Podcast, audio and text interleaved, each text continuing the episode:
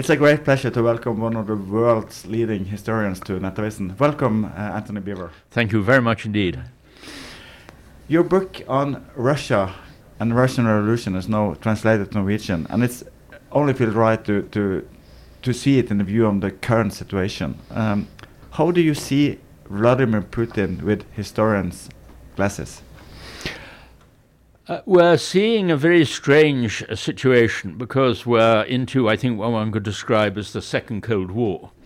Um, the, the whole of the 20th century was dominated by the Russian Revolution and Civil War, uh, which created the great split between left and right, between fascism and communism, all the way through the Ru- Spanish Civil War, the Second World War.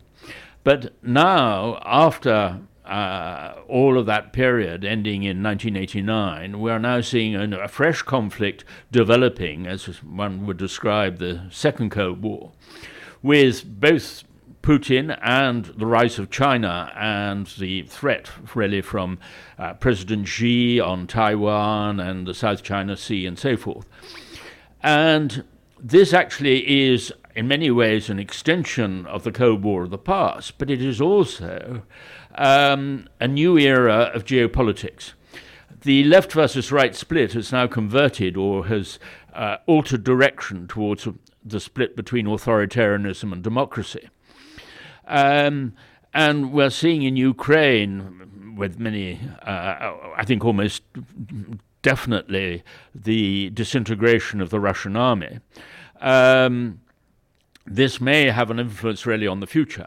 But the worrying aspect, I think, of the uh, of this Second Cold War is the way that geopolitics are changing so rapidly. That even in the first Cold War, uh, Russian leaders and Chinese leaders uh, would stick with agreements. If they made a promise, they would keep to it. We're not seeing that anymore, and I think we are seeing a far more chaotic um, era developing where traditional diplomacy, for example, is not going to work. Uh, we cannot trust Putin to stick to anything that he says. He changes his mind the whole time. Uh, it will probably be seen as one of the greatest self inflicted disasters in history uh, the way that he has achieved the exact opposite of everything he set out to do. But that does not mean that um, the world is much safer. If anything, the world is in a far more dangerous position uh, because of his mistakes. And I think that this is really what we need to focus on most of all. How do you see this play out? What will happen? Well, I don't think that anybody is in a position really to see how it will play out because there are so many different possibilities.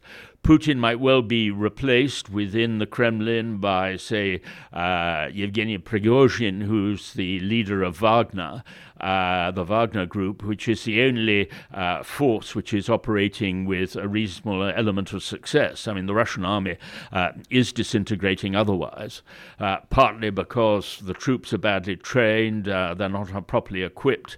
The recent uh, increase with the conscription is utterly disastrous.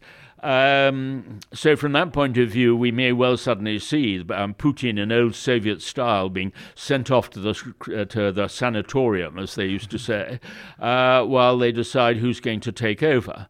Um, but we are not going to see a 1917 February revolution in the streets.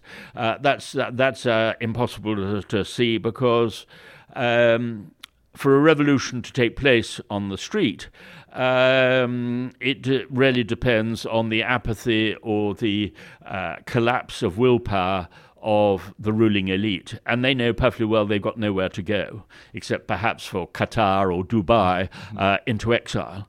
Um, and the other thing is that, of course, the real key element is going to be Crimea.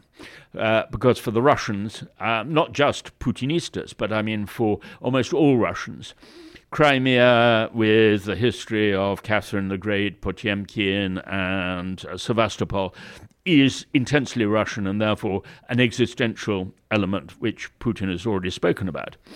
Uh, but Zelensky is determined to have Crimea back. And the British and Americans, just literally in the last few days, have started to change their position which seems to indicate that they're going to allow Zelensky to take back Crimea. So the war may take longer than we thought. It is not just a question of expelling uh, Russians from traditional Ukrainian territory.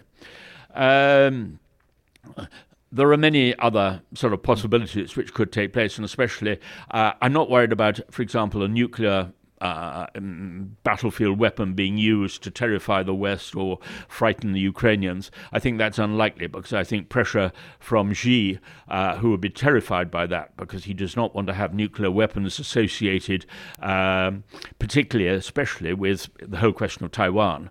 Uh, he, would, he, he would be terrified about the idea of the Americans providing a nuclear tipped cruises uh, missiles, say, for example, to the Taiwanese.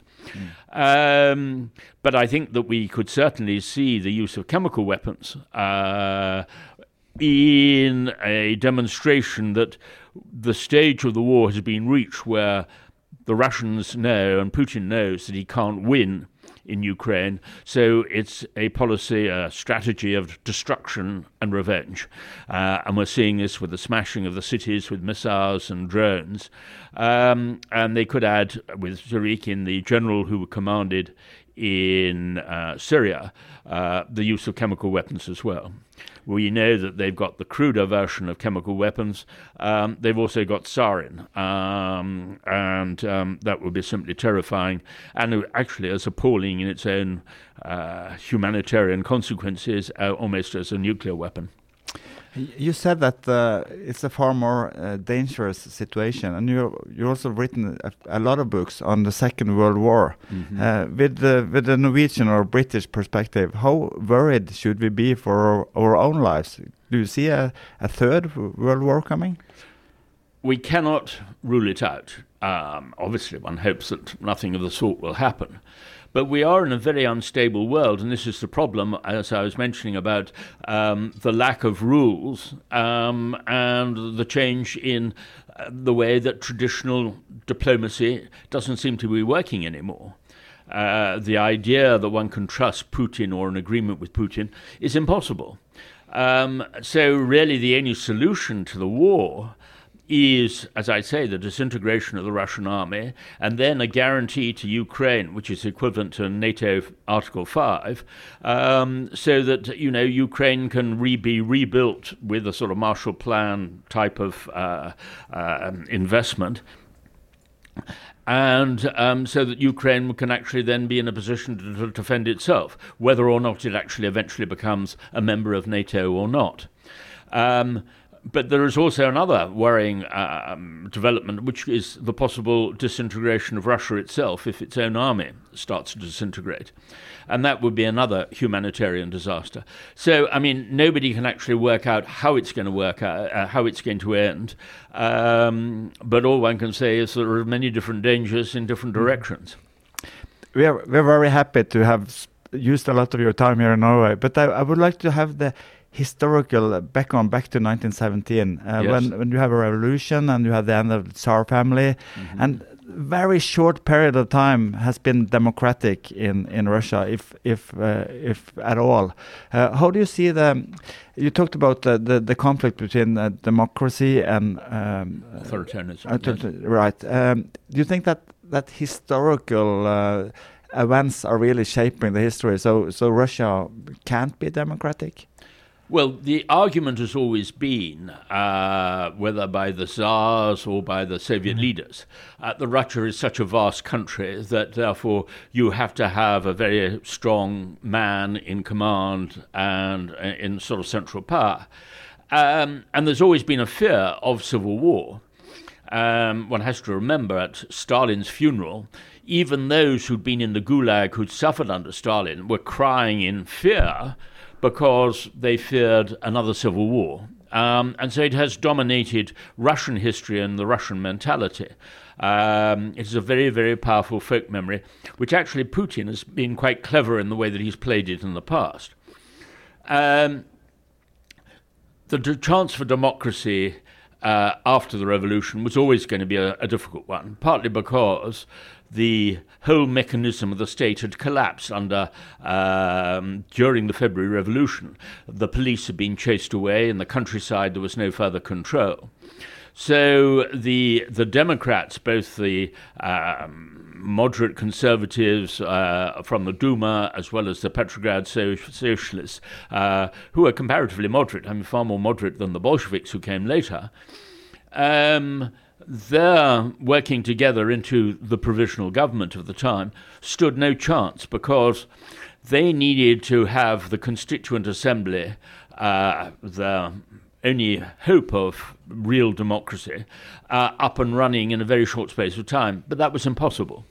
They had ministers, uh, but none of them had real control of any sort. And unfortunately, they then had Kerensky as their leader, who was more of a fantasist um, than a pragmatic politician. And although a brilliant speaker, um, he had no sense re- of the reality of power and had completely underestimated the Bolshevik threat. And that was why uh, it was so easy, in a way, for the Bolsheviks to launch their coup d'etat in October. Herzen, the great Alexander Herzen in the 19th century, had predicted this particular problem, which he referred to as the pregnant widow, uh, the inability, if you like, um, to create a regime between the death of one and the birth of the new. Um, and this was very much the case. Uh, and in a way, I think it's sort of the uh, almost the, the difficulty in Russia, where it is the country is so much more a prisoner of its past um, than any other country. And as uh, I think every time it's tried to escape that past, it's been pulled back into it. And we see this, I'm afraid, with Putin. One last question. Uh, how do you see Putin in the lights of Lenin and Stalin? Is it going to be a, a, a historical, very important person if you look 100 years in? he will be a very significant person in the sense that nobody has achieved such a disaster, such a self inflicted disaster in history. Um, so, in that case, in comparison to Lenin and uh, Stalin, you know, who in their own particular ways, Lenin as a political leader and as a revolutionary leader uh, and uh, achiever of power, um, showed uh, an extraordinary genius, an evil genius, yes.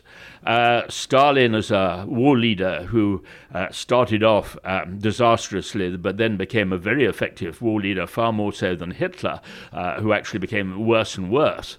Uh, funny enough, um, Hitler and uh, Putin uh, both started micromanaging the conduct of the war with disastrous consequences. Um, so I mean, Putin will be remembered, I think, as I say, the um, the greatest uh, disaster, if you like, uh, certainly in Russian history, if not in world history, um, in what he has done to his own country. And I think that this is the one of the great fears of uh, uh the effect it will have on Russia and the feelings of Russians in the future. Um, maybe they too will have a feeling of the which the Germans had after the First World War that somehow they were stabbed in the back, uh, and um, you know there was a, a sense of betrayal. But uh, there's going to be a terrible bitterness, terrible bitterness. Thank you very much for listening. Thank you very much.